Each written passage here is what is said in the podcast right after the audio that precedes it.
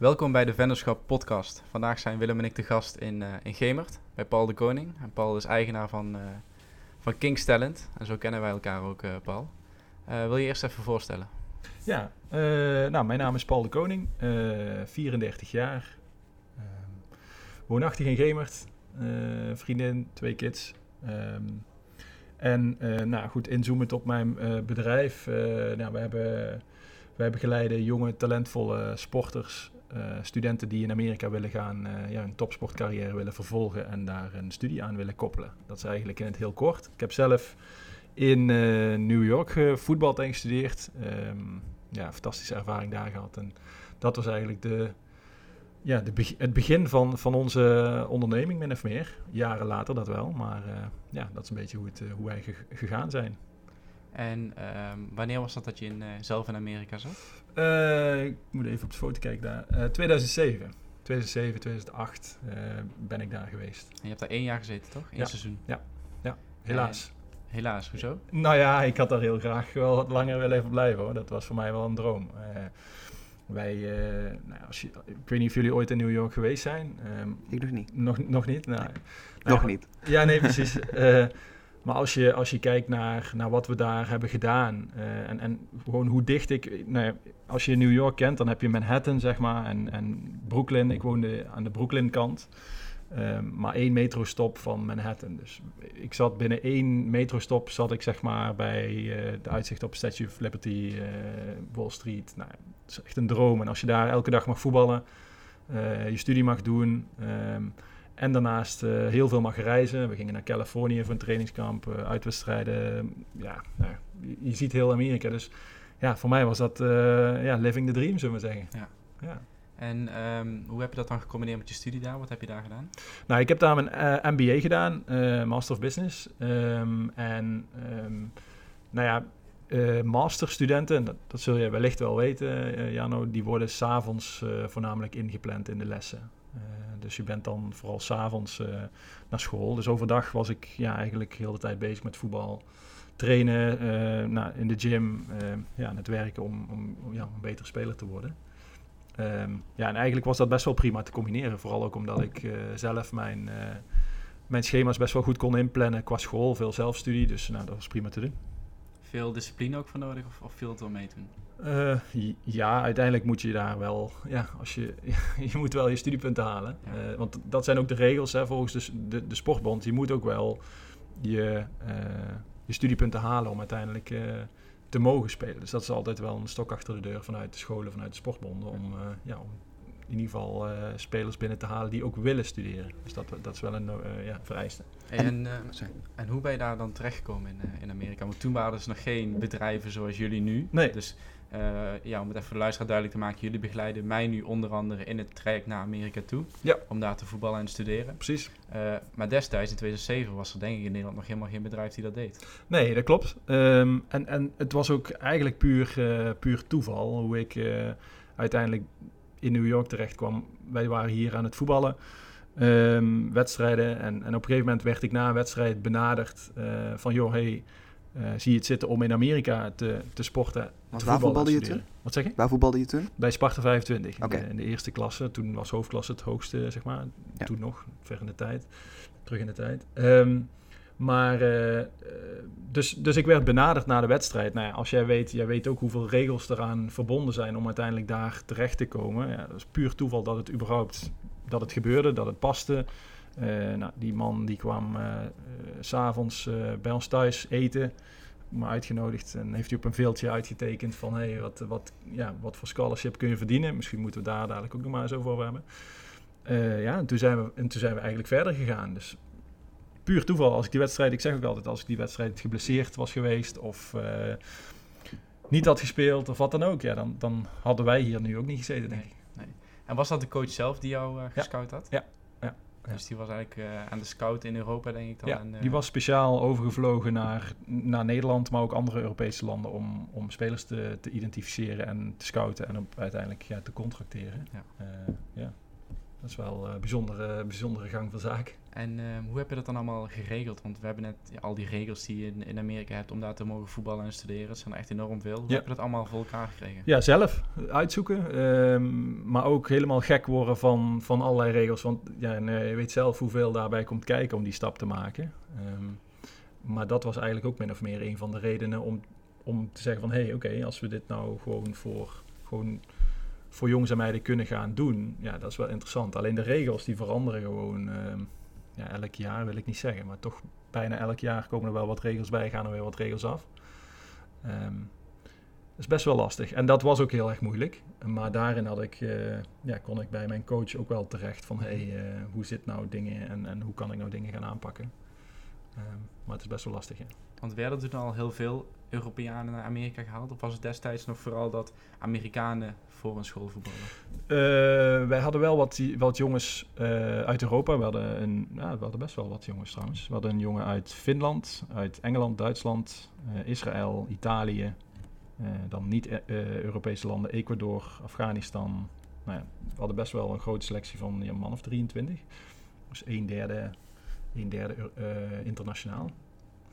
Ehm, maar ik kan wel zeggen dat het een vlucht heeft genomen. Dat er steeds meer Europese jongens. Uh, ik, ik, ging net naar, ik ging naar New York toen Beckham zeg maar, bij LA Galaxy ging spelen. Mhm. En dat is min of meer wel een stap geweest die voetbal in Amerika op de kaart heeft gezet. En daarna kwamen allerlei toppers ook nog uh, spelen.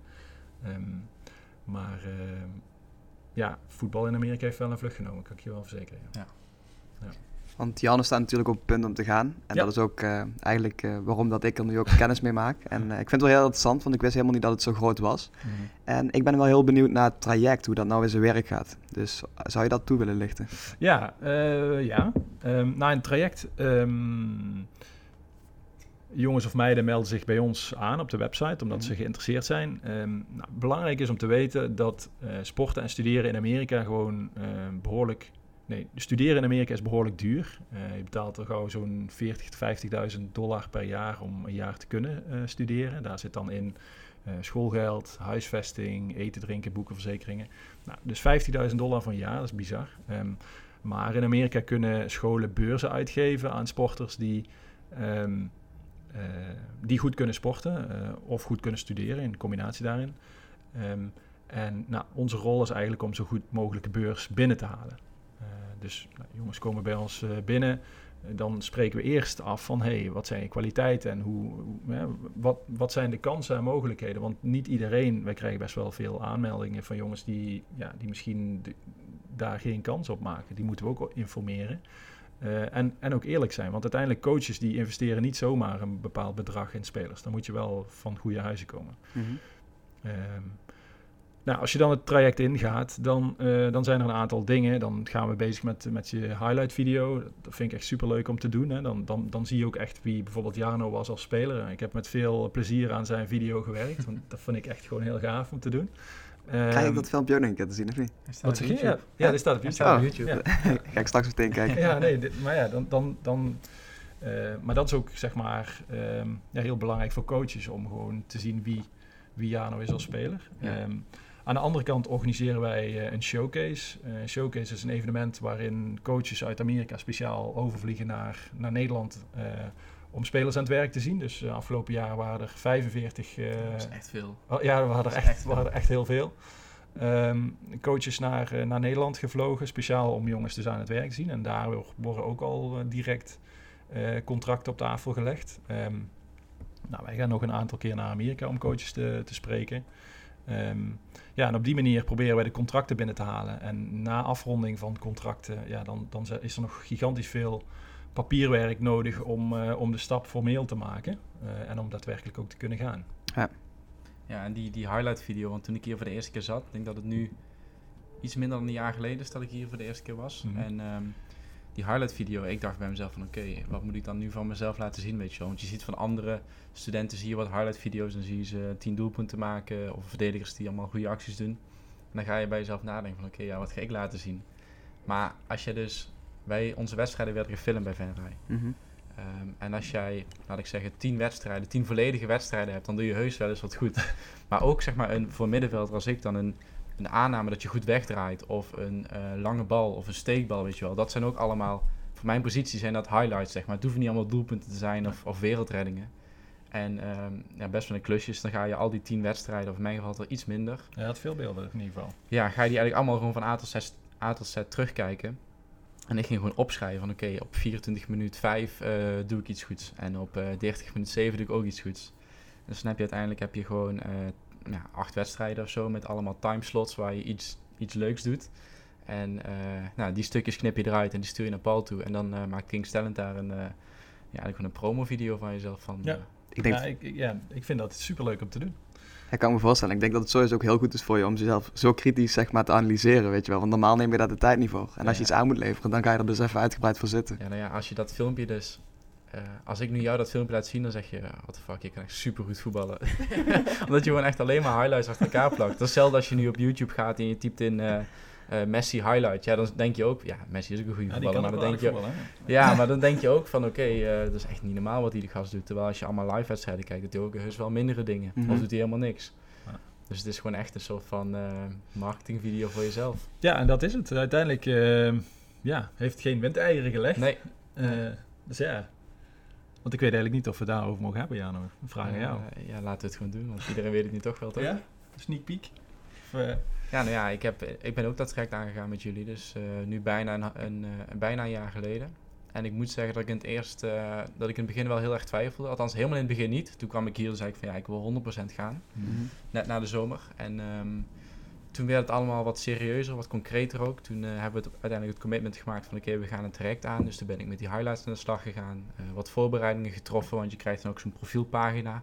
Moet je je sterktepunten invullen, je, je mindere punten invullen heel je schoolgeschiedenis wordt, uh, ja, wordt tegen het licht gehouden, zeg maar. Dus dat wordt ook heel kritisch beoordeeld in, in Amerika. Um, maar uiteindelijk wordt het concreter en dan heb ik veel contact met jou, Paul. En um, krijg, je, krijg je mailtjes of belletjes van coaches. En uh, ja, dan, gaat het echt, dan gaat het echt beginnen. Ja. ja. Dus um, ja, ik denk dat ik tussen de 10 en de 15 coaches heb gesproken ongeveer. Ja. En in het begin, in het begin is dat super leuk en ook wel een beetje spannend. Van ja, je, je moet, ineens weer, uh, je moet ineens weer Engels gaan praten. Dat was ik toch wel even een beetje verleerd na twee jaar. Um, maar dan, uh, dan ga je met die coach in gesprek. En de eerste twee, drie waren redelijk kleine scholen. Uh, die gaven gewoon eerlijk toe van ja, we zijn weer helemaal in opbouw en we hebben gewoon weer wat oudere spelers nodig. Want ik ben een oudere speler voor, ja. voor een school op dit moment. Um, dus ja, mijn gevoel, ik vond het leuk en een soort van vereerd dat je met die coaches mag praten en bellen en dat ze geïnteresseerd zijn. Maar het was dan niet dat ik echt zoiets had van oké, okay, dit wordt hem. Mm. Dat heb ik toen nog gewoon, uh, gewoon gezegd. Maar ja, naarmate de tijd vorderde, werd het wel, kwamen er steeds serieuzere scholen, zeg maar. Ook waar, waar ik dan interesse in had. En uh, volgens mij in november kwam toen echt de eerste aanbieding. Uh, ja, op tafel. Kwam op tafel. Ja. Want dat was een, uh, dat was een school uit New Mexico. Ja, Eastern New Mexico. Ja, Eastern New Mexico. Um, ja, die hadden echt een supergoed verhaal. En um, die, die overtuigde mij eigenlijk met het feit dat ze gewoon echt de Nederlandse school spelen. Ja. Leuke en coach, heel enthousiast. Hele, ja, hele leuke coach. In Schotland komt hij. Ja. Beetje moeilijk te verstaan ja, soms, maar, uh, maar wel echt leuk. En ik denk dat ik met, met hem wel uh, drie keer uh, ruim een uur aan de telefoon heb gehangen. En super geïnteresseerd en super, um, ja, gewoon echt, ze tonen gewoon echt heel veel interesse in je ook als persoon, weet je wel. Dus hoe het met je familie gaat, hoe het met je werk gaat, et cetera, et cetera. Dus ja, dat zijn wel gewoon slimmigheidjes ook van coaches, denk ik, om je te prikkelen en om je over te halen. Ja. En um, maar ja, het was november en dat was een beetje de periode dat ik, dat ik ook zoiets had van... oké, okay, ik, ik weet het nog niet helemaal zeker, weet je wel. Je hebt ook je eigen bedrijf, je wil dat ook gewoon serieus doorpakken. En je denkt toch van, oké, okay, als ik daarin ga, ben ik en heel veel tijd kwijt aan het voetballen... en ik moet nog studeren en ik moet nog, uh, moet nog blijven werken. Dus toen sloeg bij mij in ieder geval een beetje die twijfel toe. Um, totdat op, volgens mij was het echt Oudjaarsdag. Oh ja? Ja, dat, wij, wij uh, werken dag en nacht.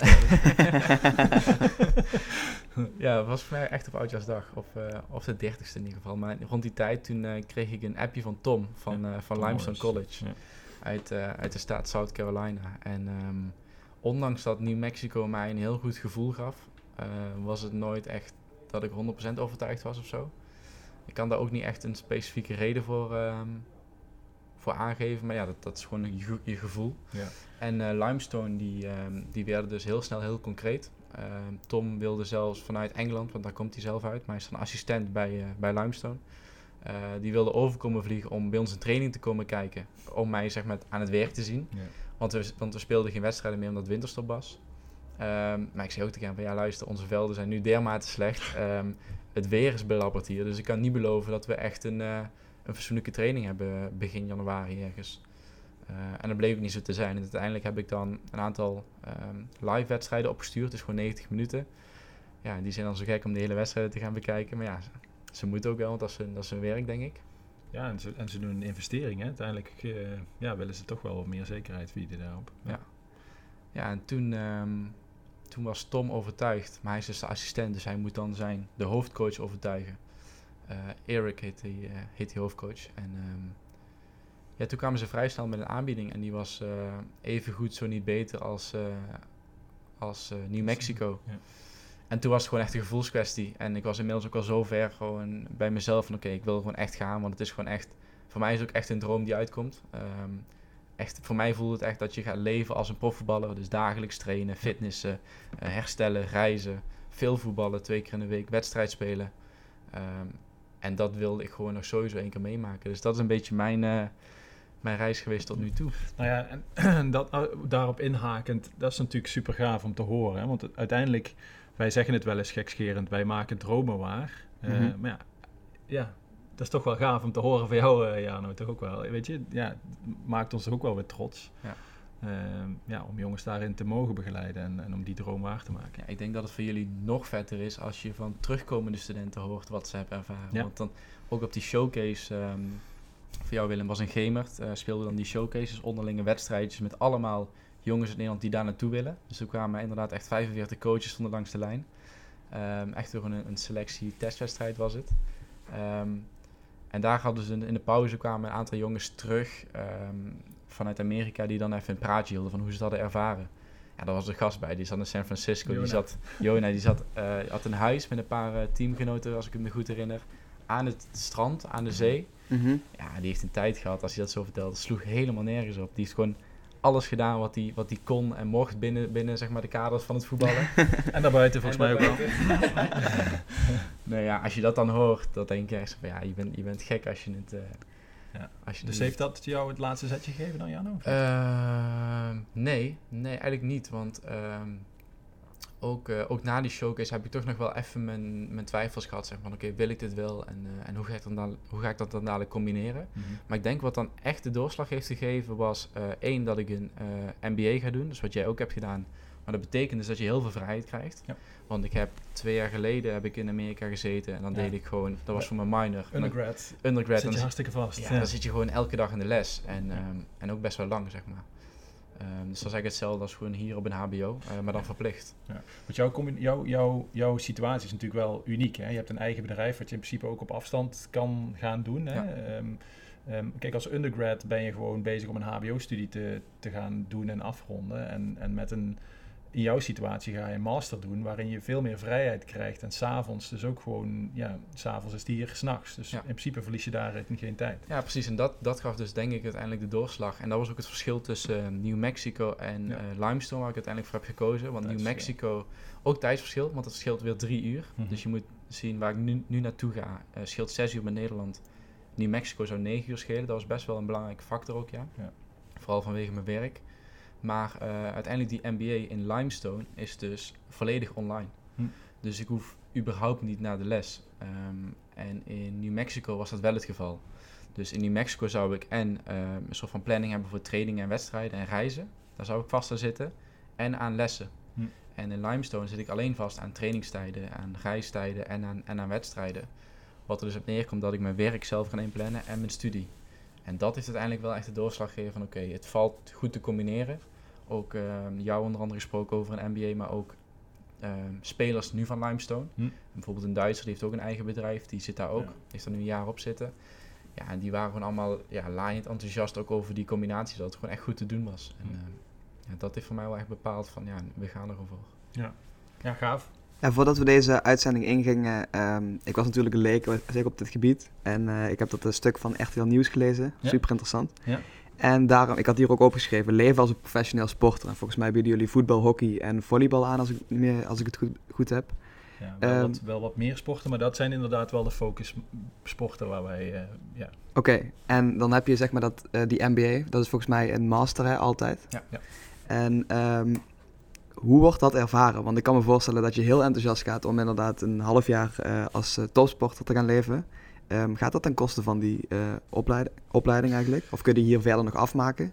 Um, nou ja, uiteindelijk um, wat, wat belangrijk is om te weten is dat een, veel jongens die gaan als undergrad, dus zeg maar als hbo-student min of meer die kant op. Dan heb je vier jaar om te spelen. en een master Sommige masters zijn één jaar, sommige masters zijn twee jaar uh, of anderhalf jaar. En kijk, in Amerika heb je veel minder. Hier in Nederland heb je zeg maar een curriculum en daar moet je aan voldoen en je moet het zo en zo doorlopen. In Amerika zijn daar veel meer mogelijkheden in om hem, om hem op een andere manier af te ronden, zoals bijvoorbeeld online. In, in Nederland heb je nooit een keuze om hem online überhaupt te doen of zelf te kiezen welke vak je online wil doen. Mm. Um, maar Ehm, wat ik al zei, het mag nooit ten koste gaan van je studie. Het is wel zo dat gedurende het seizoen de studiebelasting wel wat naar beneden kan worden bijgesteld. Samen met je academic advisor, hè, dus die echt met je meekijkt van hey, is dit wel haalbaar op die manier? Um, maar je moet toch gewoon je studiepunten halen. Dus linksom of rechtsom, je mag nooit verzaken. Um, aan de andere kant, uh, we hebben ook heel weinig jongens en meiden die, die verzaken, zeg maar. Omdat ze echt wel zo gecommitteerd zijn om te blijven studeren en ze weten ook dat ze het moeten. Um, dus ja, dat, dat is vaak ook wel een stok achter de deur voor ouders om te zeggen van nou, ik zie dit wel zitten. Kijk, hier in Nederland als je topsport wil gaan doen, dan wordt het best wel lastig om studie te combineren. En dat is ook de reden waarom soms wordt, ja, afscheid genomen wordt van, van het studeren. Dat is eeuwig zonde, terwijl in Amerika kun je het wel combineren. Het staat ook echt letterlijk in je contract. Dus uh, het scholarship wat ik dan heb gekregen, daar gaan we zo nog even over hebben. Uh, hoe dat in zijn werk gaat. Maar er staat ook echt in van, uh, oké, okay, we halen je binnen als zeg maar een wat oudere studenten. Verwachten een leiderschapsrol. Hm. Uh, maar er staat ook in, je moet minimaal, in Amerika werken ze met een GPA. Dat is jouw cijfer, zeg maar, jouw gemiddelde. Um, je moet minimaal dit GPA halen om zeg maar in aanmerking te blijven komen voor dat scholarship. Ja. En nu ga ik voor één jaar, maar stel je gaat voor vier jaar en je, gaat, je haalt dat gemiddelde niet, dan zeggen ze ook gewoon tegen je van ja luister, school, school is belangrijker. Dus helaas, het houdt op qua, qua sport. Ja. Dus okay. zo strikt zijn ze daar wel, ja, uh, mooi. wel op. Ik vind het wel een heel mooi concept. Ja, ja, nou ja. ja. Jullie natuurlijk ook. Hey Paul, kun jij ons meer, meer vertellen over die scholarships? Want dat is voor, ik denk, iedereen in Nederland echt een, echt een ver van mijn bed show. Ja. Um, in Amerika werken ze niet anders. Ja.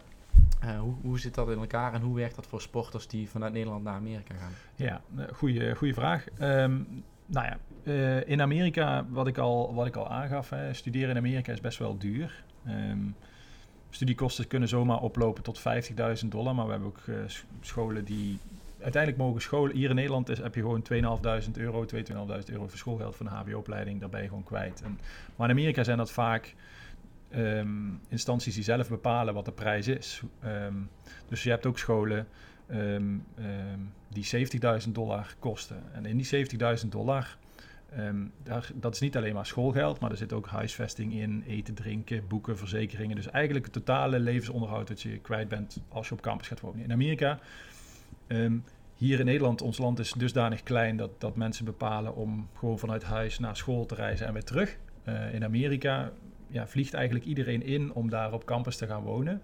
Dus dat zijn hele ja, studentendorpen of steden. Hè. We, hebben, we hebben scholen waar bijvoorbeeld uh, 60, 70.000 studenten wonen. Ja, dat is gewoon een hele studentenstad waar je daar dan te maken mee hebt. Maar dat zijn dus allemaal studenten die samenwonen. Heel gezellig overigens.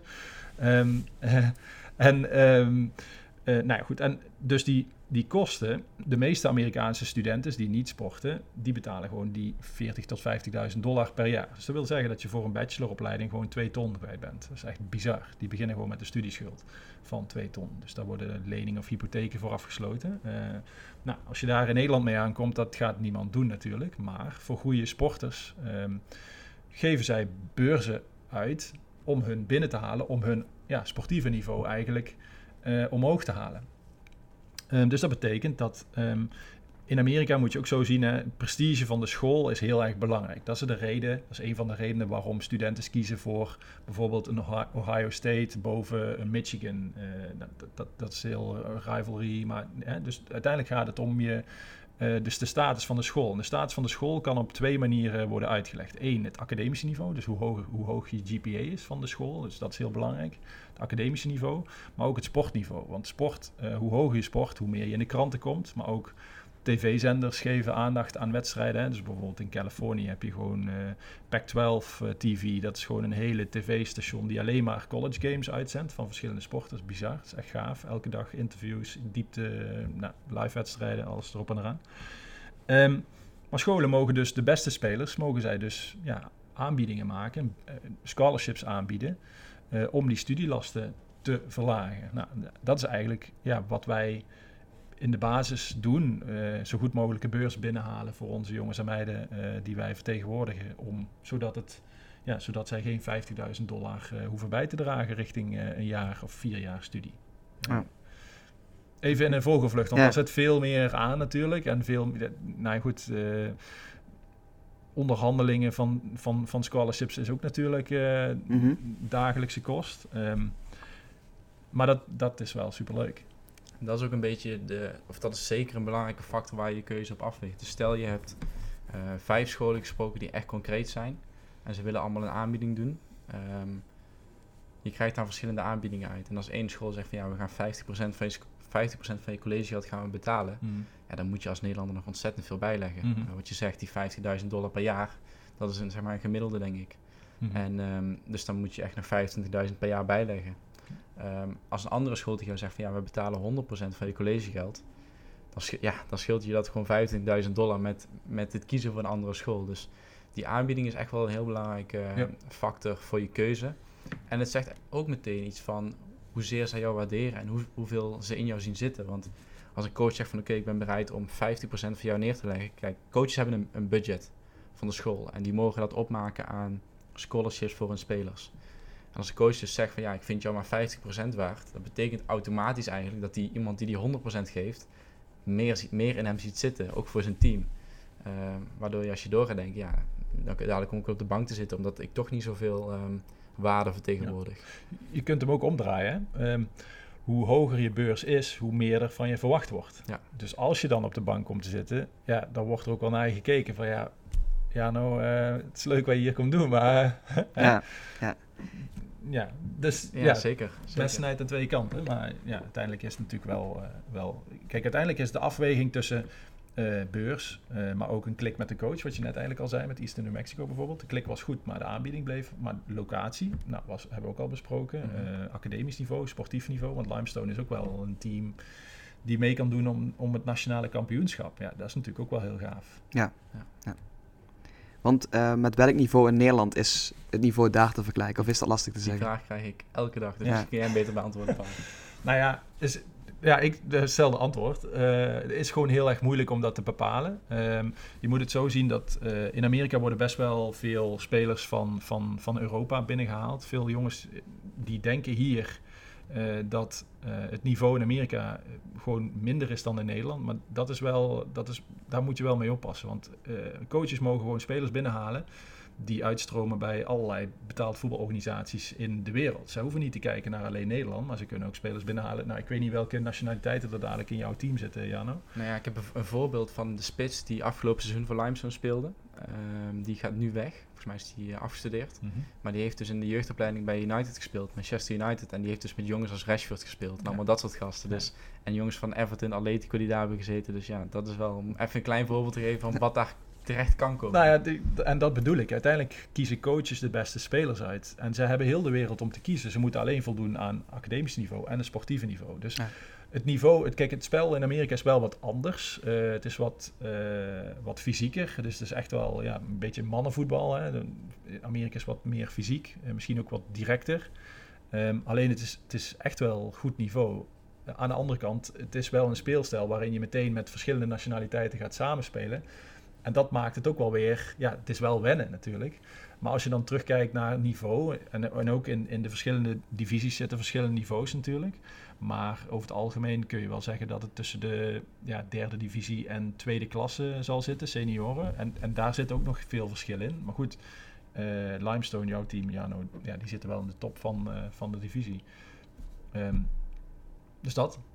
Ja, mooi. En dat is ook wel een, zeg maar, een voor jullie een beetje selectie aan de poort. Jullie, wat je net ook zei, jullie nemen niet iedereen aan die zich aanmeldt. Omdat je gewoon niet kunt beloven dat het een, dat het een succes gaat worden. Nee, Kun je nooit natuurlijk, maar... Nee, kijk, uiteindelijk eh, dit jaar, eh, vanuit onze dienstverlening bekeken, eh, dit jaar heb- hebben wij 90% van de jongens en meiden die zich bij ons hebben aangemeld, dus echt aan boord zijn gekomen en, en zeggen, het traject in zijn gegaan, zijn 90% van gegaan. En dat is voor ons ook heel belangrijk. Om, kijk, dan, dan zitten wij goed ook qua, ehm, ja, qua niveau. Ehm, aan de andere kant ehm, vinden wij het natuurlijk ook nog belangrijker dat de jongens het allemaal goed doen. En hier, ja, jullie zien het niet, eh, luisteraars, maar hier hangen een hoop jongens eh, en meiden aan de, aan de muur. Eh, een soort van wall of fame. En, en dat, is eigenlijk, ja, dat is eigenlijk misschien wel het ultieme doel om te bereiken. Om, ja, om persoonlijke awards te krijgen. Of team awards. Want Ja. gaan, je, sorry, gaan jullie eh, zelf ook op zoek naar spelers? Of zijn er zoveel spelers die zich bij jullie aanmelden? Bij jullie persoonlijk dan, Eh, hè? wij, wij, gaan ook, eh, wij gaan ook op zoek naar spelers. Ja. Ja. We hebben, ja, wij gaan ook zelf op zoek. Ehm, alleen is dat eh, niet zo eh, actief als dat spelers bij ons komen. Kijk, uiteindelijk moet je wel een bepaalde motivatie hebben om daar naartoe te gaan. Wij kunnen tegen iemand wel zeggen van, joh, hey, dit is een. Maar je moet het zelf wel zien. Je moet Kijk, uiteindelijk, Jan ook heeft ook aan, hij heeft een jaar lang gewerkt aan zijn overgang en zijn transfer. En, ja, je, je moet wel, je moet het wel willen. Ja. Ehm, aan de andere kant ben ik er wel van overtuigd dat er heel veel jongens en meiden die bijvoorbeeld het niveau zouden hebben, niet weten dat het kan. En dat is ook wel een behoorlijke factor. Dus aan de ene kant, wij spreken bij scholen, ehm, wij spelen, we spreken bij clubs, ehm, ja, nieuwsartikelen, bijvoorbeeld bij RTL Nieuws, wat je al zei, of Five Sports, waar we een interview hebben gehad. Ja, dat werkt wel. Eh, want daarmee komt het uit de schaduw en ja, dan zie je dat ook meteen in de, Ja, en ook de succesverhalen denk ik van, want ik zie hem hier hangen. Ja. Ehm, die speelt nu in de profdivisie, maar dan tweede niveau, dacht ik. Ja, één hoogste niveau. Ja, Eén hoogste niveau Ja. van Amerika. Ja. En die is dus begonnen als, als college student vanuit Nederland. Ja, ja Marius Lomies, inderdaad. Die, die, ja, die, die speelde bij Noordwijk in het eerste. Dat was toen hoofdklasse. Die spelen nu volgens mij tweede divisie. Dus die hebben best wel... eh, Maar die scoorde daar aan de lopende band. En dat is echt een hele goede spits. Eén jaar, dus dezelfde situatie. Hij was één jaar speelgerechtigd. Dat heeft te maken met je studieverleden. Ehm, daar goed gedaan en uiteindelijk heeft hij een contract verdiend. En die is eerst naar North Carolina gegaan, USL ehm, team. En die zit nu bij El Paso in, Texas. En het grappige is, ehm, wij proberen, en wij vinden het gewoon super leuk om ook met die gasten allemaal contact te houden. En toevallig belde die gisteren op gewoon een praatje te maken van hey, hoe gaat het? Hoe gaat het met jullie? Eh, ja, en dat is gewoon gaaf. Want als hij die stap niet had gemaakt, ja, dan was hij nu ergens, ja. Maar ook, ik denk ook voor jullie als bedrijf zijnde, want ehm, in mijn omgeving zeg maar, er zijn nu veel mensen die vragen van oké, kun je nog gaan gezien corona? Ehm, maar iedereen heeft dus het artikel gezien van, eh, van hoe heet die? Marius. Marius. Ja, ja. Eh, op, op Vice en op RTL Nieuws is Ja. ook voorbij gekomen. En eh, dan zie je opeens dat het zoveel aandacht krijgt dat ook mensen die zich nog nooit hebben verdiept in het voetballen en studeren in Amerika, Ja. opeens wel zo'n artikel lezen en wel gaan inzien van hé, het is wel mogelijk. Dus Ja. wat je net dus aangaf van oké, heel veel ehm, sporters die wel zeker de kwaliteit hebben om te gaan en ook de academische achtergrond hebben om te gaan. Ja. ehm, die nog niet beseffen. Nou ja, door zo'n nieuwsartikel en door zo'n succesverhalen gaat dat zeker helpen. Precies. En, en, en het is ook zo, wij zijn vijf jaar geleden natuurlijk begonnen. En ja, dan begin je niet met, met, de, met, de, ehm, ja, met de aantallen waar we nu mee werken. Dat was gewoon heel klein. Eh, en ja, als je nu kijkt waar we nu staan, dat is natuurlijk wel behoorlijk wat groter. Ja. Ehm, maar dat heeft ook allemaal tijd nodig. Maar dat, dat, dat heeft ook te maken met bekendheid. Hoe meer mensen uiteindelijk naar Amerika gaan, hoe meer mensen ervan weten. En hoe meer, hè, als jij op Instagram eh, dadelijk foto's vanuit jouw tijd in, of ja, in Amerika laat zien van hé, hey, eh, dit is wat ik allemaal meemaak. Dan gaan mensen ook denken van hé, hey, hoe zit dat nou? En ja, dat is eigenlijk een sneeuwbal die je aan het rollen brengt. Min of meer. Ik ben ook wel benieuwd, eh, want dan gaan we iets meer naar het ondernemer zijn toe. Mhm. Ehm, hoe, hoe het voor jou is begonnen, want ik zag dat je eerst gewoon in loondienst was. Ja. Eh, vervolgens heb je ergens die transitie gemaakt naar het ondernemer zijnde. Hoe is dat voor jou persoonlijk gegaan? Ja, dat is best moeilijk. ja, nee, ja, ja da- daar is geen heel harde eh, omslagpunt in. Te, nou goed, op een gegeven moment, je, je, je gaat ergens mee beginnen. En eigenlijk was dat gewoon, weet je, er kwamen jongens bij ons eh, of bij mij aan van, joh, hey, eh, je hebt in Amerika gespeeld, kan je mij daarmee helpen? Nou, Oké, eh, vriendendienst hier en daar. Op een gegeven moment hebben Han en ik, Hans mijn broer en daar, ja, mijn compagnon dus Mhm. ook, ehm, hebben gezegd van, ja, misschien moeten we daar echt mee aan de slag. Gewoon eens kijken waar het schip strandt. En het eerste jaar hebben we drie, nee, twee jongens begeleid. Twee jongens naar Amerika begeleid. Dit jaar gaan er honderd. Ehm, even om, het, om, om de groei te zien in de afgelopen vijf jaar. Ehm, maar ergens, ergens komt het omslagpunt ehm, van inderdaad, eerst ben je in loondienst. En ik had best wel een, een, een flexibele werkgever wat dat betreft. Waar werkte je? Ik werkte bij Heijmans. Oké. Uh, ik was uh, uh, marketingmanager daar. Um, en op een gegeven moment was het zo dat... nou, ik kon mijn vrije dagen, we hadden echt ontiegelijk veel vrije dagen, dus dat kwam goed uit. Maar op een gegeven moment ben ik minder... heb ik mijn contract aangepast na een dag minder, twee dagen minder. Maar op een gegeven moment... op een gegeven moment kom je op een punt waarin je moet beslissen van... Oké, het levert nog niet op. Um, lange, bij lange na niet. Maar de aandacht die ik eraan moet besteden om het te laten vliegen, die moet ik nu wel gaan maken. Uh, anders gaat het anders verlies je gewoon je momentum en ja, dan kun je net zo goed stoppen. Tenminste, dat was mijn stap. Van ja, of we gaan ervoor en we stoppen met werk en uh, we gaan gewoon zien waar het schip strandt en dus risico lopen. Uh, of we doen het niet. Nou, jullie weten dus welke kant het op is gegaan. Maar dat was best wel een moeilijke periode, of moeilijke periode, want je, je maakt die stap niet alleen. We kregen net uh, onze eerste kleine. Uh, ja, dan valt er toch wel wat zekerheid weg, terwijl je toch wel wat meer zekerheid misschien zou willen. Ja. Um, dus dat was niet makkelijk. Maar aan de andere kant, als je, als je het hebt over ondernemen en, en waar ik bijvoorbeeld tegenaan liep in mijn baan, um, is dat je gewoon, je hebt de vrijheid om de dingen te doen en de dingen te doen op jouw manier. En als het niet gaat op jouw manier en je stoot je neus, nou dan komt het omdat jij verkeerde keuze hebt gemaakt en niet omdat er iemand van boven zegt wat je moet doen. Uh, en dat, dat vind ik wel heel interessant.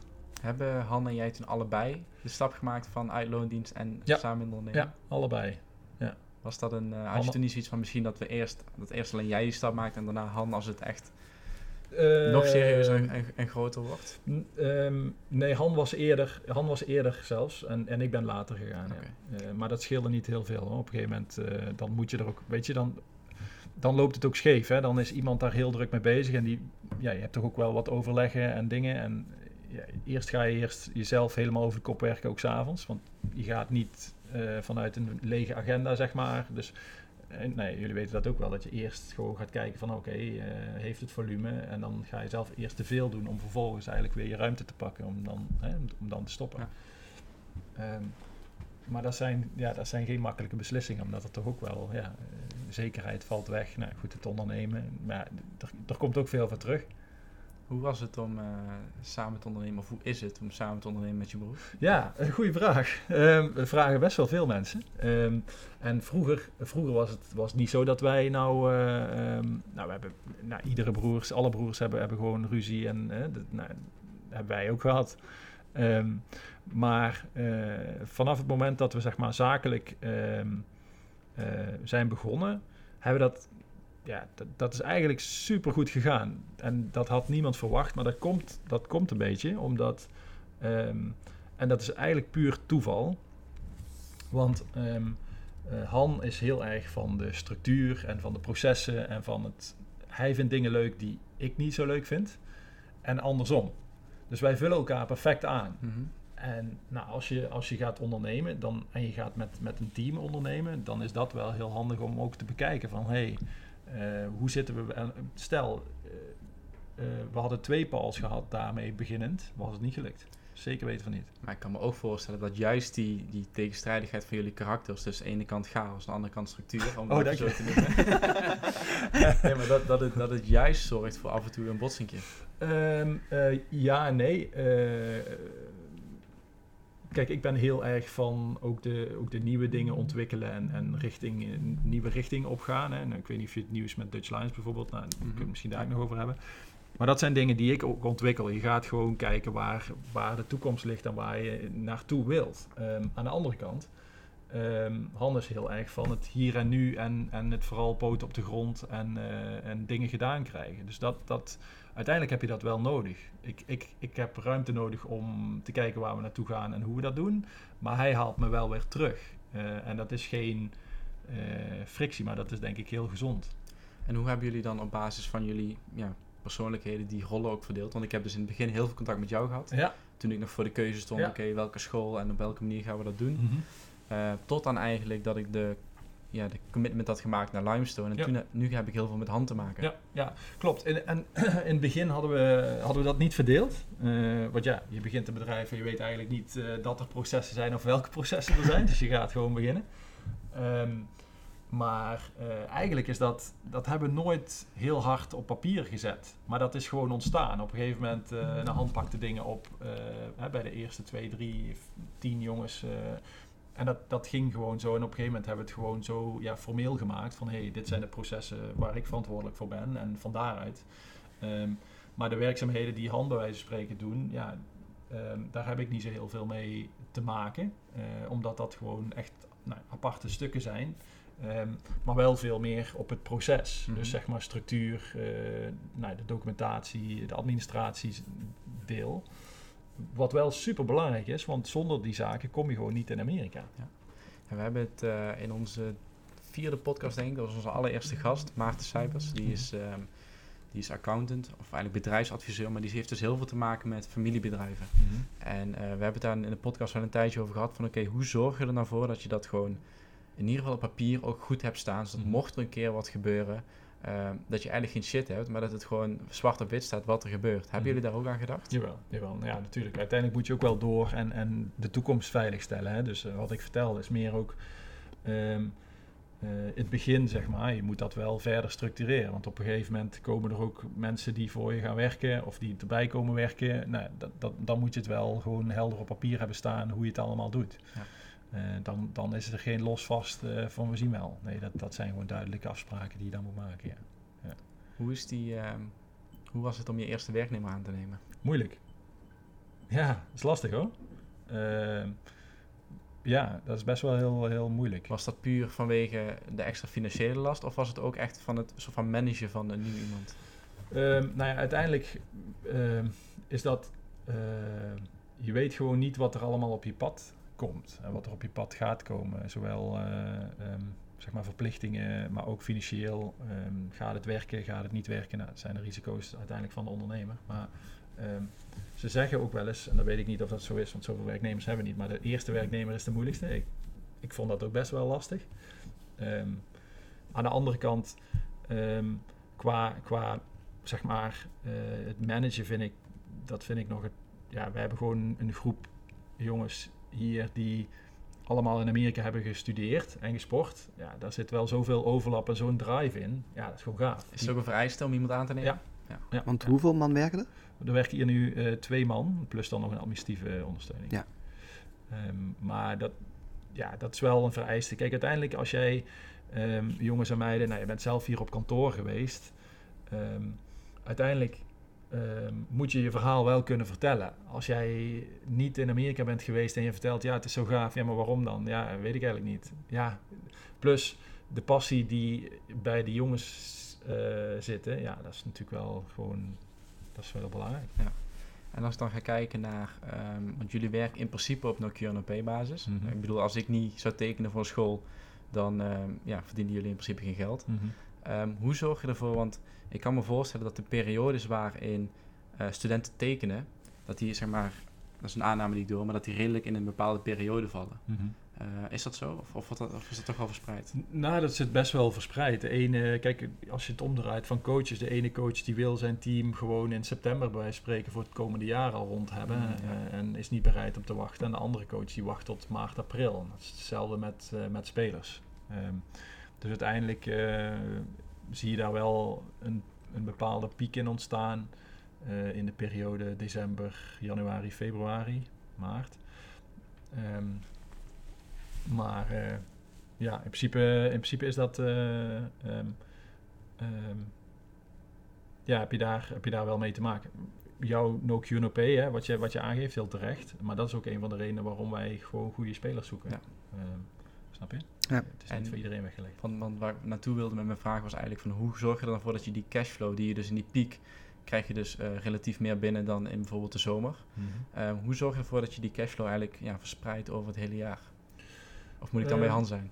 Nee, nee, nee, helemaal niet. Nee, nou goed, uiteindelijk, kijk, als de, als de, als de deal uiteindelijk doorgaat, krijg je aan het eind van de rit ook een hele, uh, een hele piek. Mm -hmm. uh, en dat financiert eigenlijk weer het hele, snap je? Je moet het, je moet het in seizoenen zien, maar ja. uiteindelijk moet je het ook uit kunnen spreiden en uit kunnen smeren.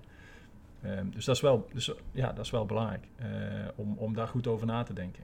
Ja. Dus jullie bekijken het minder van maand tot maand, maar meer van in het seizoen ja, van jaar tot jaar. Ja, jaar wij, wij, kijken er niet van, uh, van maand tot maand. Ja. Nee. nee. Uh, nee. Hey, wat uh, inspireert jou in je werk? Of wel, waar sta je s morgens vroeg voor op? Ja, waar sta ik voor? nou, voor de huilende kinderen. nee. Um, nou ja, waar ik voor uit mijn bed kom. Kijk, uiteindelijk doe je het voor, voor de jongens en meiden die, die uiteindelijk daar hun tijd van zijn leven gaan hebben. En dat is fantastisch. Kijk, Um, ik zeg ook altijd het, het, uh, het avontuur van op zoek gaan naar de juiste school en de juiste match. Dat, dat, is, dat is gaaf. Um, maar het gaafste is als de jongens en meiden in Amerika gaan studeren en je ziet via social media allerlei leuke foto's, filmpjes uh, voorbij komen van wat ze daar allemaal meemaken. En, en dat is gewoon super gaaf. Als je nu ziet waar waar sommige jongens uiteindelijk belanden. Nou, we hebben Marius al uh, besproken, maar we hebben ook jongens die zijn daar getrouwd, die hebben nu hun eerste kinderen daar, uh, um, zijn daar gaan werken. Dus uiteindelijk, hè, er zijn ook genoeg jongens die terugkomen of die hier een profcontracten, nou, ligt de shirt van de FC Twente daar. Um, maar uh, je bent gewoon een bepalende factor in iemands leven, of zou kunnen zijn. Ja. Uh, ja, dat is gewoon heel, heel erg gaaf. Als je kijkt nu naar de jongens die het eerste jaar gegaan zijn en het contact wat je daar nog steeds mee hebt en hoe dankbaar ze daarvoor zijn en hoe vet ze het avontuur vonden, ja. ja daar doe je het allemaal voor. Ja, jij zei dus straks van, uh, we helpen eigenlijk de droom van, ja, van jeugd uitkomen. Dat is wel, ja. wel heel vet. Daarvoor sta je op. ja. Ja. En, en het financiële deel, ja, dat hoort er natuurlijk bij. Maar dat is niet... Uh, ik heb wel eens de vraag gekregen van... joh, uh, ik vind het gewoon, ik vind het gewoon mooi. Ja. ja. ja. En um, we hebben heel veel succesverhalen, zien we ook in de media. En hier hangen alleen maar succesverhalen. Mm -hmm. um, het komt denk ik ook wel eens voor dat iemand teleurgesteld naar huis komt. Of misschien eerder naar huis komt dan gepland. Ja. Um, ja, hoe, hoe ga je daarmee om? Hoe... Ja, nou ja, uiteindelijk klopt dat. Um, het, nou ja, 95, nou, ik durf wel te zeggen, 97% van alle gevallen, die, die heeft gewoon, die blijft daar en die heeft een fantastische ervaring. Um, maar we hebben bijvoorbeeld ook iemand die, uh, ja, je hebt altijd te maken met heimwee of met tegenslagen. Ja, en, en sommige dingen kun je ook niet uh, in, in, in controle houden. Hè. Bijvoorbeeld, um, ja, we hebben wel eens uh, iemand die kreeg in pre-season, dus in de voorbereiding, een, een, een, een blessure. ja, zat helemaal in de put. Uh, is uiteindelijk na twee weken alweer teruggekeerd. Um, ja, dan kun je zeggen van, goh, kunnen wij dat onszelf, dat is teleurstellend, hè? want de coach die gaat daar ook vanuit dat je een jaar daar gaat studeren en voetballen. Die, die, die, die heeft jou binnengehaald. Um, dus ja, die komt bij ons terug en die denkt van, hé, hey, ja, wat is dit nou? Um, uh, maar goed, ook daarin kunnen wij niet echt, uh, natuurlijk hebben wij dan wel contacten met die, met die jongens, om ze gewoon ja, uh, op hun in te praten. Maar uiteindelijk is het hun eigen beslissing. Andere kant van de medaille, uh, of andere, ander voorbeeldje van hoe het ook kan. We hadden bijvoorbeeld één dame het afgelopen seizoen, die, die scheurde bij haar eerste pre-season training haar kruisband. Um, nou, die is daar onder het mes gegaan. Die, is daar, die heeft daar mega hard gewerkt aan een herstel. weet je, zo kan het ook. Dus het is ook heel veel, het heeft heel veel te maken van ja, hoe erg zet jij je schouders eronder? En ja, het is een avontuur. En nee, het gaat niet allemaal uh, uh, vanzelf. Uh, er komen ook tegenslagen en er komen ook teleurstellingen, ongetwijfeld. En, het is net, ja, dan is de vraag van hoe ga je daarmee om? Maar juist dat is super leerzaam voor jezelf. want jij zit in een vreemd land, ver van familie. Um, met vrienden om je heen, want uiteindelijk teamgenoten zijn voor de vrienden. Um, ja, dan is de vraag van hoe ga je daarmee om? En juist dat is leerzaam en dat is juist de persoonlijke groei die je dan ook doormaakt. Ja, want ik denk ook uh, het hele traject vooraf. En als ik bijvoorbeeld nu naar Jano kijk, wat hij, uh, hij laat nu uh, al een aantal weken achter elkaar de biertjes staan en is heel veel aan het trainen, persoonlijk, personal coach erbij. Mm -hmm. En um, ja, mensen zijn ook gewoon gebrand voor het succes om daar naartoe te gaan, weet je wel. Dus je hebt al zo'n lang traject van tevoren gedaan, dus wanneer je daar bent, ben je eigenlijk waarschijnlijk al 100% voorbereid. Dus het kan altijd dat je geblesseerd raakt. Maar waarschijnlijk als het, als het aan jezelf ligt, weet je er daar in ieder geval alles aan, uh, aan doen om er een succes van te maken. Ja, maar en daarin is ook weer een heel verschil. Hè? Sommige jongens die doen er alles voor. Zoals Jano bijvoorbeeld. Als ik dan de filmpjes zie op Insta waar die mee bezig is. Dan denk ik, ja, die, die jongen is goed bezig. um, maar als ik dan, ja, je hebt er ook jongens of meiden bij die, die denken van ja, weet je, het zal wel. Alleen dan kom je wat minder voorbereid binnen. Ja. Uh, en dan loop je in het seizoen achter de feiten aan. Ja, goed. Ook die heb je erbij. Ja, en ik denk ook gewoon, kijk, uh, als jij vier jaar daar gaat studeren, dan kan ik me voorstellen dat je het iets meer laid back bekijkt. Van oké, okay, ik ga daar vier jaar naartoe en ik, ik vind mijn draai daar wel.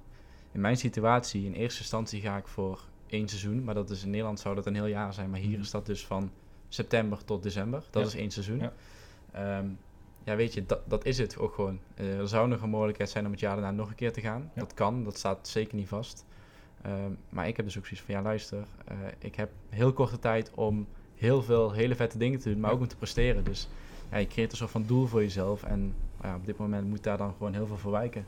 Ja. En ik denk dat een beetje het verschil is dat als je um, vier jaar gaat, als je meer zegt van oké, als ik daar kom, dan ga ik me wel optrainen en opwerken. Ten opzichte van als je gewoon weet, ik ga een half of een half jaar en daarom moet het gebeuren. Ja, dan moet je er gewoon voor zorgen dat je, dat je topfit bent. Ja, Want jij gaat in principe toch van september tot december? Ja, ja het seizoen, uh, dat is ook weer een heel groot verschil tussen Amerika en, uh, en Nederland. In Amerika heb je dus, ja, je hebt al die diverse sporten.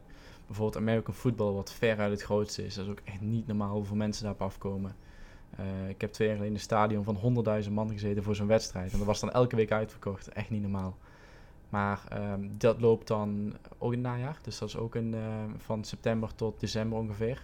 Ja, voetbal is een sport dat dan is. Maar bijvoorbeeld uh, basketbal, dat begint ergens rond november, december volgens ja. mij. En dat loopt dan door tot in het voorjaar. Uh, volgens mij geldt voor baseball hetzelfde. Ja. Ik weet niet hoe het voor hockey is. Ja, baseball begint later. Hockey is ook val, dus ook augustus. Okay. ja, dus je hebt eigenlijk gewoon een soort van verspreiding van sporten. Dus de ene sport is met name in het najaar en de andere in, in het voorjaar. En um, voetbal is dus in het, in het najaar. Wat betekent dat je vaak minimaal twee wedstrijden per week speelt. Dus eentje bijvoorbeeld op dinsdag en eentje op zaterdag. Uh, je moet daar vergeleken met Nederland, met Nederland gewoon heel lang voor reizen. Uh, ik denk dat er zelfs scholen zijn die met vliegtuig gaan naar wedstrijden. Um, en daarnaast train je gewoon dagelijks. al, al heeft de sportbond dan een regel dat je op zondag vrij moet zijn. Ja. Dus dat is om te, om te voorkomen dat ze echt gaan overtrainen. Uh, maar ja, het is, het is dus maar een, een relatief korte periode, maar wel gewoon echt rete intensief. En uh, ja, dat is ook wel een beetje de uitdaging, denk ik, voor sporters vanuit Nederland om daar naartoe te gaan. Ja. Hey Paul, op uh, welk succesverhaal ben je nou het meest trots? Als je er één uit mag pikken. Oeh, zo. um, ja, nou ja, ik vind Marios vind ik wel een heel gaaf voorbeeld. Um, heeft er ook mee te maken dat wij wij waren een, eh, een website aan het, aan het bouwen. Je begint ergens en je gaat mooie plaatjes zoeken, weet je wel, van scholen en van, van, van faciliteiten. En toen zeiden we, ja, Creighton University, dat is wel echt gaaf. Als daar iemand naartoe kan gaan, dat is wel echt super stoer. Ook de top van het land. Welke staat is dat? Dat is, dat is in Nebraska. Dat, okay. dat, dat klinkt dan weer niet heel erg tot de verbeelding misschien, maar hij speelde... Dus hij is Nebraska in het midden van het land. we zitten hier voor de kaart. Maar hij moest dus wedstrijden spelen in New York. Dus dat is helemaal naar rechts. Hij speelde in Californië, dat is helemaal naar links. Uh, hij speelde in Washington. Dus op een gegeven moment zat hij in Washington. Um, speelde hij daar, moest hij naar uh, Nebraska terug voor studie. Toen moest hij weer naar New York vliegen. Ja, dat, dat is gewoon fantastisch. Ja. En dan, um, dat, was, ja, dat is gewoon een goede, goede spits. Uh, en, en heeft uiteindelijk ook de stap gemaakt naar de profs. Kijk, uiteindelijk heb je natuurlijk veel meer... Um, succesverhalen. Maar, maar dat is wat van de buitenkant heel erg uh, mooi eruit ziet. Um, aan de andere kant, succesverhalen kunnen ook zijn van jongens die misschien een beetje onzeker zijn over zichzelf, die heel schuchter naar de VS gaan en echt als een kerel terugkomen. Ja, dat zijn ook mooie succesverhalen. Alleen dat, dat is niet aan een profavontuur te hangen, maar dat is meer op persoonlijk uh, vlak. Um, dus ja, misschien, ik denk Marius vind ik wel een mooi verhaal. Ja. Maar ook dames bijvoorbeeld die van hockey, dus die zeggen, um, die zeggen van ja, ik ga voor één jaar, want ja, ik vind dat dan mooi als een soort van tussenjaar. Maar die daar, daar nu het derde jaar beginnen, ja, dat vind ik ook gaaf. Ja. Weet je, die daar heel een, een hebben en houden daar opbouwen. En ik zie ook steeds vaker op jullie uh, socials dat spelers dus transfereren van school naar een andere school. Ja, ja. Hoe, hoe, gaat dat in zijn werk? Word je dan gescout of zo? Of? Ja, nou goed, officieel mag je dus... Uh, officieel zijn daar regels tussen dat... Uh, kijk, uiteindelijk word je beschermd als sporter bij een school. De school wordt daarin beschermd, hè, want scholarships zijn in principe gewoon giften van scholen. En, uh, ja. Dus een coach, een coach mag niet... Ehm, dus een coach van een andere school mag niet een speler benaderen om te vragen om naar die school te gaan. Maar ze weten natuurlijk wel dat Nederlandse jongens via ons gegaan zijn, via King's Talent gegaan zijn. En en uh, dus dan vragen ze heel subtiel van, hey, zit die jongen nog op zijn plek? um, en in eerste instantie hebben we dat echt serieus gewoon bewust afgehouden. Van ja, weet je, je krijgt er gezeik van met, met teams, met coaches die ja, toch wel het vertrouwen in ons ook hebben om, om spelers daar uh, um, uh, heen te begeleiden. En daarna gaan ze naar een andere school. Alleen je ziet, ja, het gebeurt best wel regelmatig. Dus als je het goed communiceert op voorhand, uh, dat dat gaat gebeuren of dat er interesse is of wat dan ook, ja, dan, dan is dat wel gewoon, dan kan dat. Uh, dus ja, hè, dus bijvoorbeeld het Koen Vos verhaal van RTL Nieuws, wat je misschien hebt gelezen. Ja. Die is uh, op een bepaalde school begonnen en op een gegeven moment is die overgestapt naar een, nou, nu, nu treedt hij bij de profs. ja, nou goed, dat, ja, dat zijn ook mooie verhalen, ja. Ja. Je krijgt nog geen scheve gezichten van die coaches? Nou ja, dus als je het goed communiceert, is, dat, is daar geen probleem. Uh, kijk, Koen had, uh, heeft twee jaar in mijn hoofd gespeeld bij, bij de school. Kampioen geworden, aanvoerder geweest. Dus die zat ook echt op zijn top. Nou, op een gegeven moment, en dat staat ook in het artikel, heeft de coach ook gezegd van ja, weet je, ja, het is wel mooi om ook een, volgende stap te maken. Dus het ligt er ook aan um, hoe je het communiceert en hoe je het brengt. En um, ja, ook ja. een soort prestige voor die school eigenlijk. Want ze hebben dus iemand binnengehaald die uiteindelijk een stap hoger opzet. Ja, want uiteindelijk kan de school dat ook weer communiceren naar hun recruits. Van hé, hey, wij zijn de ideale opstap naar. Ja. Snap je? Dus het is net ook hoe je het brengt. Misschien is het dan nog wel leuk om ook even te vertellen uh, vanuit jouw kant. Want die, dat stelde jij mij ook in het eerste gesprek. Scholen in Amerika, dat is zo prestatiegericht. En dan heb je het zowel voor sportief als academisch. Kun je dat nog eens vertellen? Waarom ze zeg maar ook bereid zijn om zoveel te investeren in, in nou bepaalde jongens? Ja, want uiteindelijk, ja, uiteindelijk ja, wat, ik, wat ik volgens mij eerder net ook al zei, van prestige is gewoon heel erg belangrijk. Als jij, de scholen worden gewoon, uh, ja, die, die gaan gewoon tegen elkaar. Als je ziet hoeveel uh, um, uh, publiek er nou, bij, bij, bij wedstrijden van Amerika voetbal bijvoorbeeld ook langs de kant staan, maar ook van voetbal tegen rival schools. Ja, dat is, ja, en, en maar de battle, eigenlijk de, achter, de onderliggende battle is eigenlijk ook van wie, wie haalt de studenten binnen. Want het gaat in Amerika wel ook allemaal om geld. Als je het hebt over uh, budgetten van scholen, bijvoorbeeld, om, om een voorbeeldje te noemen ook. Um, budgetten van scholen, de Oregon University, nou, ken je misschien nog niet eens. Um, maar die school heeft wel een budget, een athletic budget, dus sportief budget, van 190 miljoen dollar per jaar. Ja. Ja, dan praat je wel ergens over. Hè? Want als je de budgetten van, uh, van ja, Feyenoord en PSV bij elkaar optelt, dan kom je daar nog niet eens aan. Um, dus het gaat om veel geld, het gaat om prestige, het gaat om de school. En ja, het gaat om, ja, jij mag de school vertegenwoordigen. En dat is gewoon uniek. Ja, want um, ook in dat RTL Nieuws uh, item, daar stond... Het lijkt dus inderdaad echt op die high school vanuit die series, vanuit die films. En als je dan niet weet hoe het is, als je dat vergelijkt met de eredivisie of zo, dan valt dat gewoon niet voor te stellen. Nee. En uh, dat is denk ik ook wel mooi, want daarom vind ik dit gesprek ook wel heel mooi, omdat ik weet, Jan is er super hard mee bezig. En uh, ja, dat we hier verder op, uh, dat we dit verder uitleggen, ja, vind ik echt, vind ik echt top. Ja, het is gewoon heel lastig om, en dan merk ik zelfs als ik het met mijn ouders erover heb, het is gewoon bijna niet uit te leggen, helemaal niet in 10 minuten. Nee. Het is gewoon, ook toen wij hier de eerste keer zaten, heeft minimaal een uur geduurd om gewoon ja, ik had dan het voordeel dat ik al wist hoe het eraan Ja, toe ging, dat ik een halfjaartje geweest ben. Precies. Maar uh, stel ik zou hier als, zeg maar, als leek binnenkomen, dan ja, het is gewoon zo'n andere wereld. Het is bijna niet kort en, concreet uit te leggen. Ja. En uh, om nog even door te gaan op dat budget. Um, LSU, dat is een hele Ja, grote school. Wat Louisiana. Louisiana, ja inderdaad, Louisiana daar zocht ik naar. Um, dat is een van de grotere scholen volgens mij ook. En um, het ding is dus dat ze, en daar is heel veel discussie over in Amerika ook, hè, dat ze uh, atleten niet mogen betalen. Mm -hmm. Uh, dat is gewoon een regel van de sportbond. Maar um, daar is ook wel wat discussie over, want sommigen vinden dat, dat dat wel moet gebeuren, omdat het gewoon, ja, het zijn bijna profs. Ja. Uh, zo goed zijn ze. Um, en dan gaat het met name om American voetbal, hoor, want daar zit echt het, uh, echt het budget. Maar ja, die wedstrijden worden allemaal uh, live op televisie uitgezonden. Er zit zoveel, zitten zoveel inkomsten in. Ja. Maar ja, die school die mag dat niet uitkeren aan die spelers. Dus wat gaan ze doen? En dat zag ik laatst eens voorbij komen op, op Twitter. Ze hadden een hele nieuwe faciliteit, of een, ja, een hele nieuwe building gemaakt voor, uh, voor met name American football. En als je dan ziet hoe die kleedkamers eruit zien en hoe die gym eruit ziet en hoe de kantine eruit ziet, wat alleen voor die sporters is, ja, dat, dat zou ik zelfs durven te vergelijken met gewoon de allergrootste voetbalclubs in de wereld. Misschien wel zelfs beter, want dat is gewoon niet normaal. Al dat geld moet ergens heen, dat stoppen ze dan maar faciliteiten. Ze hebben, ze hebben ook, uh, in Amerika zijn, zijn meer dan tien stadions groter dan het stadion van, uh, van Barcelona, bijvoorbeeld. Ja, wel Amerika voetbal natuurlijk, maar dat, dat zit gewoon, Michigan uh, zit gewoon een jaar vooraf zit gewoon vol. Ja. Dan moet je gewoon reserveren. Ja. Um, maar ook bijvoorbeeld, um, kijk, als je bijvoorbeeld vorig jaar, ik weet niet of jullie het Amerikaanse sport een beetje volgen, maar bijvoorbeeld zo'n Zion Williamson, dat, dat is een basketballer van Duke, was dat. Um, maar die had, dat, dat, was, dat was een freshman, dus die kwam op zijn eerste jaar kwam die binnen. En uh, normaal gesproken ga jij, je hebt een draft systeem in Amerika en als je echt goed bent, dan word je als vierde jaar gedraft en dan, hè, dan ben je klaar met college en dan ga je door naar de... Nou, Zion Williamson kwam binnen bij Duke, echt, ja, echt als een enorm talent. En op school had hij al uh, eh, 2,5 miljoen volgers als eerstejaarsstudent. Uiteindelijk heeft hij ook, is hij gestopt met zijn opleiding, want hij kreeg een aanbieding om meteen na een eerste jaar naar de profs te gaan. Wordt vergeleken met Michael Jordan, bla bla. Maar in ieder geval, als jij toch samen op school of samen in de gym zit met zo'n gasten die, die dagelijks op tv komen, ja, dat is gewoon echt super stoer. Ja, dat is vet. Dat is echt heel vet. Ja en, en ja, uh, de basketballers hebben wat meer aanzien op campus. Of, nou, dat is logisch. Dat zijn, dat zijn Amerikaanse sporten. Dus um, uiteindelijk moeten wij ook wel humble zijn om daar te mogen spelen. Ja.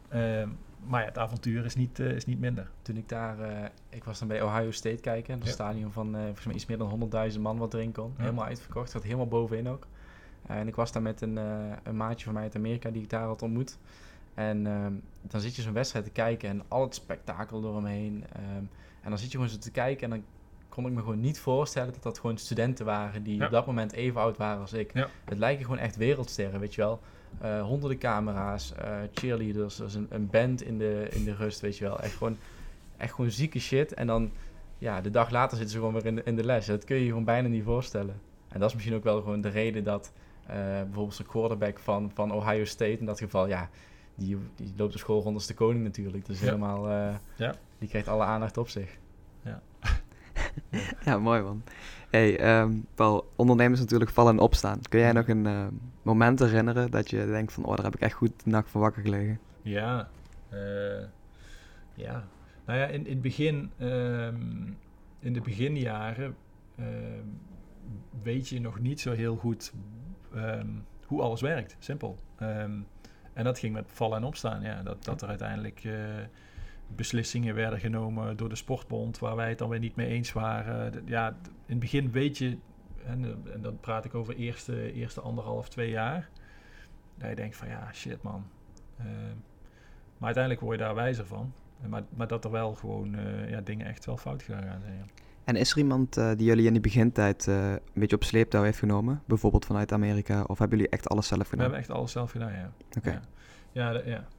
Um, kijk, uiteindelijk kon ik wel uh, feedback vragen bij mijn coach of zo. Maar goed, dat is ook geen, geen specialist. Nee. Um, kijk, uiteindelijk heb ik altijd heel goed contact gehouden met mijn coach. En, en dat zal, ja, ja, we, hebben, we hadden eigenlijk een bruiloft georganiseerd. Zou die ook komen hier? Uh, weet je, dat, dat zijn wel de banden die je daar in, overhoudt. Samen met een aantal teamgenoten natuurlijk. Maar, uh, maar niet echt iets, iemand specifieks om, uh, die ons echt hielp of zo. Nee. En ik kan me voorstellen dat jullie ja, week hartstikke vol zit met allemaal verschillende dingen. hoe ziet je optimale werkweek er nou uit? dat is een goede vraag. Nou, uiteindelijk um, ligt er een beetje aan in de tijd van het jaar. Eh, want nu zijn er andere dingen belangrijker dan bijvoorbeeld in, in, in november. Uh, want in november ga je echt aan de slag met de showcases organiseren bijvoorbeeld. Uh, maar een ideale werkweek um, is de verhouding tussen zeg maar, het werk wat gedaan moet worden en de ontwikkeling van uh, King's Talent, zeg maar. Dat moet je ook niet vergeten. Dus ik probeer altijd één dag in de week daaraan te besteden en de rest echt...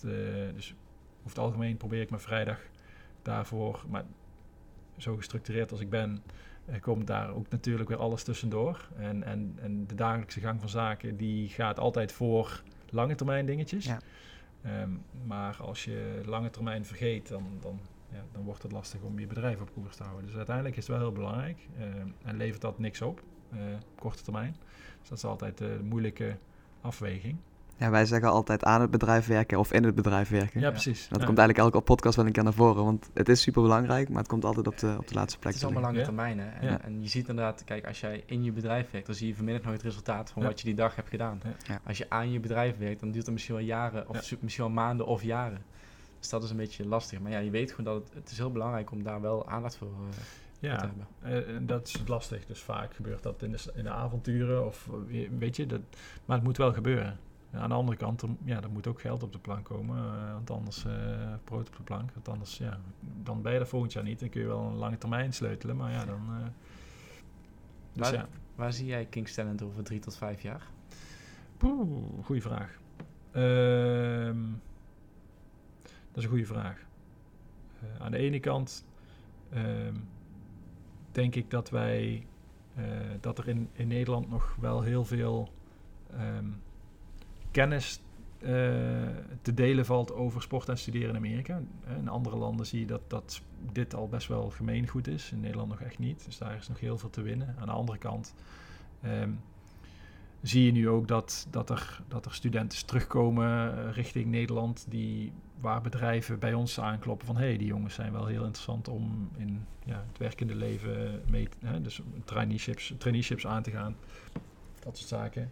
Ehm, eh, Hoe komt dat? Dat bedrijven bij jullie aankloppen? nou ja, kijk, uiteindelijk ehm, gaat het om een aantal punten. Als je in Amerika gaat sporten en studeren, dan eh, heb je een Amerikaans diploma of een ervaring in Amerika. Je spreekt vloeiend Engels. Je, je hebt. ehm, eh, je, bent, je bent naar de andere kant van de wereld vertrokken om, eh, om daar een avontuur aan te gaan. Nou, dat doet ook niet iedereen, dus dat zegt ook iets over je persoonlijkheid. Je hebt met, met verschillende nationaliteiten samengewerkt. Je kunt onder druk presteren. Ehm, nou, dat zijn allemaal wel, eh, wel belangrijke indicatoren voor bedrijven die zeggen dan van, joh, hé, hey, laten we eens even babbelen. Zo Eh, grappig dat ze die link zo, eh, zo leggen. Ja. Ja. Dat zou ik eigenlijk helemaal niet verwachten vanuit sportoogpunt. ja. Maar als je nu al die, die dingen opnoemt, ja, dan lijkt dat me voor bedrijven ook wel interessant, ja. Ja, eh, dus dat is één. Aan de andere kant zijn we ook druk bezig nu met eh, Dutch Lions om daar. eh, dus de college, de college competitie, die, ja, college season loopt eigenlijk van, van augustus tot en met mei even. eh, ehm, en ehm, met Dutch Lions zijn we nu een samenwerking aangegaan waarin we. ehm, eh, kijk, uiteindelijk Dutch Lions die spelen in, de twee, in de derde divisie van, van Amerika. En die spelen eigenlijk in de periode tussen mei en tussen mei en augustus. Mhm. Dus eigenlijk in de periode dat college stil ligt, ja, gaan zij spelen. Dus dat is eigenlijk een, een, een perfecte toevoeging op eh, van wat wij, eh, ja, wat wij jongens en meiden zouden kunnen gaan bieden. Eh, nou, daar hebben we nu samenwerking voor ehm, om jongens en meiden daarin te begeleiden. Ze hebben clubs in New York, eh, Miami, Fort Myers, Houston, Dayton eh, en Cincinnati. Eh, nou, daar gaan wij eh, in meehelpen. Ehm, en ehm, er komt nog leuk nieuws aan over een, een nog verdere samenwerking daarin. Ehm, maar dat zal volgende week eh, gecommuniceerd gaan worden. Oké. Wat, wat is Dutch Lions dan precies? Dutch Lions is een, eh, is een club, dus eigenlijk met verschillende ehm, vestigingen in het land, in Amerika, geleid door Mike Mossel en Erik Tammer. Ik weet niet of jullie die kennen. Erik Tammer Nee. is een oud spits, ja, dat is nog voor jouw tijd. maar eh oud spits van Ajax, eh, onder andere, en eh Heerenveen. Maar die, die hebben eigenlijk clubs opgezet vanuit de Nederlandse filosofie, om daar ja, eigenlijk ja, Nederlandse spelers daar te laten spelen, maar samen met ja, ook Amerikanen. Dus dat zijn eigenlijk hele clubs die daar ja, voetballen Ja. in die periode. En hoe, eh, want je zegt nu derde divisie, maar je hebt dus MLS is dan de eerste divisie, de eerste profdivisie. Dan krijg je dus tweede divisie waar Lomas in speelt. Ja, USL, USL Pro. USL. Ja. Dan krijg je derde divisie, zit daar nog wat onder? Ja, kijk, in Amerika is het best wel moeilijk eh, om, om te bepalen. Want ehm, stel, wij zouden. Hier in Nederland heb je een KNVB en daar moet alles volgens geregeld worden. Maar eh, in Amerika is het zo dat jij. Stel, wij, zijn, eh, wij, zijn, eh, wij gaan samen een sportcompetitie opzetten. Dan kan dat gewoon. Dan moet je licensing aanvragen en dan kun je gewoon. dan kunnen ze jou in die competitie gaan toevoegen. Dus je hebt, je hebt MLS, je hebt USL, USL Pro, USL One, maar daarnaast heb je nog NASL. Eh, het is echt wel heel onoverzichtelijk. Ja. En daaronder hangen ook nog wel een aantal, maar het is minder gestructureerd allemaal. Dus best wel moeilijk om daar het overzicht in te houden. Als je, kunt, als je hier bijvoorbeeld zegt, ik speel eerste klasse, dat, dat kun je daar niet zeggen. Of ja, dat kun je wel zeggen, maar dat zegt heel weinig of zo. Ja, tot USL, USL 1, USL 2, dat, dat zijn, dat, ja, dan valt het nog wel te volgen, zeg maar. Want ik altijd benieuwd naar was toen ik daar in Amerika was. Je hebt dan zeg maar college soccer. Ja. stel je haalt het niet überhaupt tot de USL ja. uh, One of zo. Dan stopt het. Dan stopt het echt, hè? Dus dan is het niet zo dat je bij de lokale voetbalvereniging aan kunt sluiten. Nee. Want die zijn er in principe niet. Nee, dat heb je veel minder, ja. En dat is, ook, dat is ook wel, dat is zeg maar het allereerste wat, wat mij uh, verbaasde zeg maar, toen ik daar kwam van oké, je hebt dus geen lokale sportclubs, in principe ook niet voor jongeren. Mm -hmm. Het is gewoon echt, je gaat beginnen op high school, dat is gewoon middelbare school, daar speel je voor je school en dan, ga je, dan studeer je daar af en dan ga je naar college. Maar buiten dat is, het, is, is er gewoon weinig. Nee, klopt. klopt. En dat maakt het dus ook extra waardevol om in een college of ja, om voor een universiteit uit te komen. Omdat dat zeg maar het hoogst haalbaar is in de leeftijdscategorie tussen de 17 en 23 jaar. En uh, ja, vandaar kun je prof worden of, ja, of een andere richting. Maar voor veel stopt het daarna. Ja. Ik zit er nu over na te denken. Maar is het eigenlijk niet een, slechte zaak dat je mensen die um, niet een bepaald niveau hebben, eigenlijk als soort van uitsluit voor teamsport? Is dat wat ze doen? Of, of uh, ja, je, je hebt wel clubteams, maar dat is... Kijk, als je op college speelt, dan ben je of goed of je doet niet mee. Klopt. Maar daarna, dus stel je bent uh, te oud voor college of je bent afgestudeerd. Ja, dan zie je, dan zie je nog wel wat, uh, wat clubteam mogelijkheden, maar dat is wel heel beperkt, ja. Ja. Uh, ja, dat is echt heel beperkt en dat is ook vaak niet echt heel gestructureerd. Ehm, ja, dat is wel anders dan dat het hier is, ja. ja. Wij sluiten altijd af met een gouden tip. Heb jij die voor ons en voor onze luisteraars? Gouden tip? Uh, dat vind ik echt een heel, heel, oh, sorry, een heel moeilijk, joh. Uh, gouden tip. Ja, je hebt... Um, nou ja, als je het hebt over, over zeg maar uh, een... Kijk, heel veel jongens en meiden die zeggen van... hé, hey, ik wil later een eigen bedrijf beginnen. nou, hebben jullie wellicht ook gezegd, want jullie zijn uiteindelijk begonnen. Maar mijn gouden tip is, zeg het niet, maar begin eraan. Um, en dan ga je een paar keer op je bek. Uh, en ja, maar dan gaat het wel vliegen, als het goed is. Ja. Um, maar als je, het, uh, als je niet probeert, dan weet je het niet. Uh, en ik zou zeker zeggen van begin eraan, want het is heel leerzaam. Um, en je gaat waarschijnlijk iets doen wat je hartstikke leuk vindt. Um, doe het niet voor het geld, maar doe het vooral omdat je het leuk vindt. Dus er zijn misschien wel meerdere tips. Maar um, dus ik zou gewoon zeggen, begin eraan en uh, ja. En het kan natuurlijk jouw verhaal uh, bevestigen dat het altijd nog kan. Want jij, was, jij had eigenlijk al best wel, je had, je had een baan, ja. kinderen, vrouw, ja. huis. Ja. En dat je dan nog die, kno uh, die knoop doorhakt. Ja. Maar... Daar heb ik sowieso wel respect voor, hoor, dat je dan beslist van oké, okay, ik ga toch mijn eigen droom achterna. Ja, en ik denk dat ik, en, uh, ik denk dat ik in het werkende leven ook wel gigantisch veel geleerd heb wat ik heb, in mijn bedrijf heb kunnen toepassen. Ja. Dus uh, ja, kijk, je kunt, ja, je kunt het vanuit verschillende, kijk, als je het gouden ei hebt gevonden, dan moet je dat natuurlijk doen. Maar ik, ik, ik, ik vind het sowieso ook wel interessant om in het werkende leven ervaring op te doen en van daaruit. Dus natuurlijk ja. gekeken vanuit mijn eigen ervaring, maar um, ja. Zat het ondernemen er wel altijd al in? Of is dat echt pas ontstaan toen je dus merkte van... oké, okay, ik kan mensen helpen om naar Amerika ja. te gaan? Ja, wat is ondernemen? Ik heb vroeger uh, aan, de, aan de weg bij ons thuis uh, pompoenen verkocht... omdat we te veel pompoenen hadden. ja. Ik weet niet of dat ondernemen is, maar ja, ja weet ik eigenlijk niet. Ik, ik ben wel meer van het... Um, mijn broer die ging op een gegeven moment naar Italië uh, en naar Canada studeren. Um, daar heb ik wel echt gezien van, oké, dat, is, dat is wel heel gaaf. Als hij dat niet gedaan had, had ik het wellicht ook niet gedaan. Ik ben eerst in China, heb ik uh, mijn afstudeerstage ge, ge, doorlopen. Um, ja, dat is wel super gaaf. Mijn wereld bestond eerst uh, van, van Bekenonk, waar ik woonde, naar Den Bosch. Met de trein mijn hbo doen en weer terug. En voor je het weet ben je 30 en is dat nog steeds je wereld. Terwijl als jij ja, de vleugels uitslaat en je gaat uh, kijken wat er nog meer uh, ja, is in de wereld, ja, dan wordt je wereld wel heel veel groter van. En ik ben ervan overtuigd dat de jongens die nu naar Amerika gaan, dat zij er zelf ja, zo ook over denken. Want ja, je vliegt zo naar, naar, naar, naar Amerika. Dat is op zich niet zo heel gek. Nee. Alleen je moet het wel even doen. Ja, precies. Wat, uh, wat geef je de jongens die vertrekken altijd mee? Um, een King's Talent shirt. uh, dat is heel fysiek. Nee, ja, wij zeggen altijd van joh, uh, geniet ervan. Ja, ja, meer kun je er niet van, van. Ja, ja. ja, dat eigenlijk. Ja. Geniet ervan. Ja, je moet... Kijk, ehm, meestal zijn dat ook wel de jongens die ook openstaan voor andere culturen. Anders begin je er niet aan. Ehm, maar eh, ja, als je daar op campus komt... Ja, we hebben het er net al heel veel over gehad. Ehm, ja, je bent wel een heel interessant persoon als je daar binnenkomt lopen. Voor, ook voor Amerikanen. En dan is het gewoon heel leuk om... om ja, sta open voor, voor nieuwe ervaringen, nieuwe dingen. Uh, maar geniet vooral. Dat komt wel goed. Ja, ik ben benieuwd of het, uh, of het voor mij ook is weggelegd dit najaar. Dus ik even afwachten. Ja, ja. Gezien uh, corona, maar uh, ik denk dat het wel goed komen. Ja, we gaan er vanuit. Laten we hem afsluiten, want jij moet zo verder. Ja. gezien de tijd. Mhm. Ja. Ontzettend bedankt om het, dat je je verhaal wilde delen en het King's Talent verhaal. Ik denk dat, in ieder geval voor de vragen die ik de afgelopen tijd heb gekregen, dat er heel veel duidelijk wordt met deze, met deze podcast. Ja. Okay. Dus ik ga iedereen gewoon netjes doorverwijzen naar, naar de Vennerschap podcast. Ja. Uh, Paul, bedankt. Bedankt dat we hier te gast mogen zijn. En uh, ja, wij houden in ieder geval contact.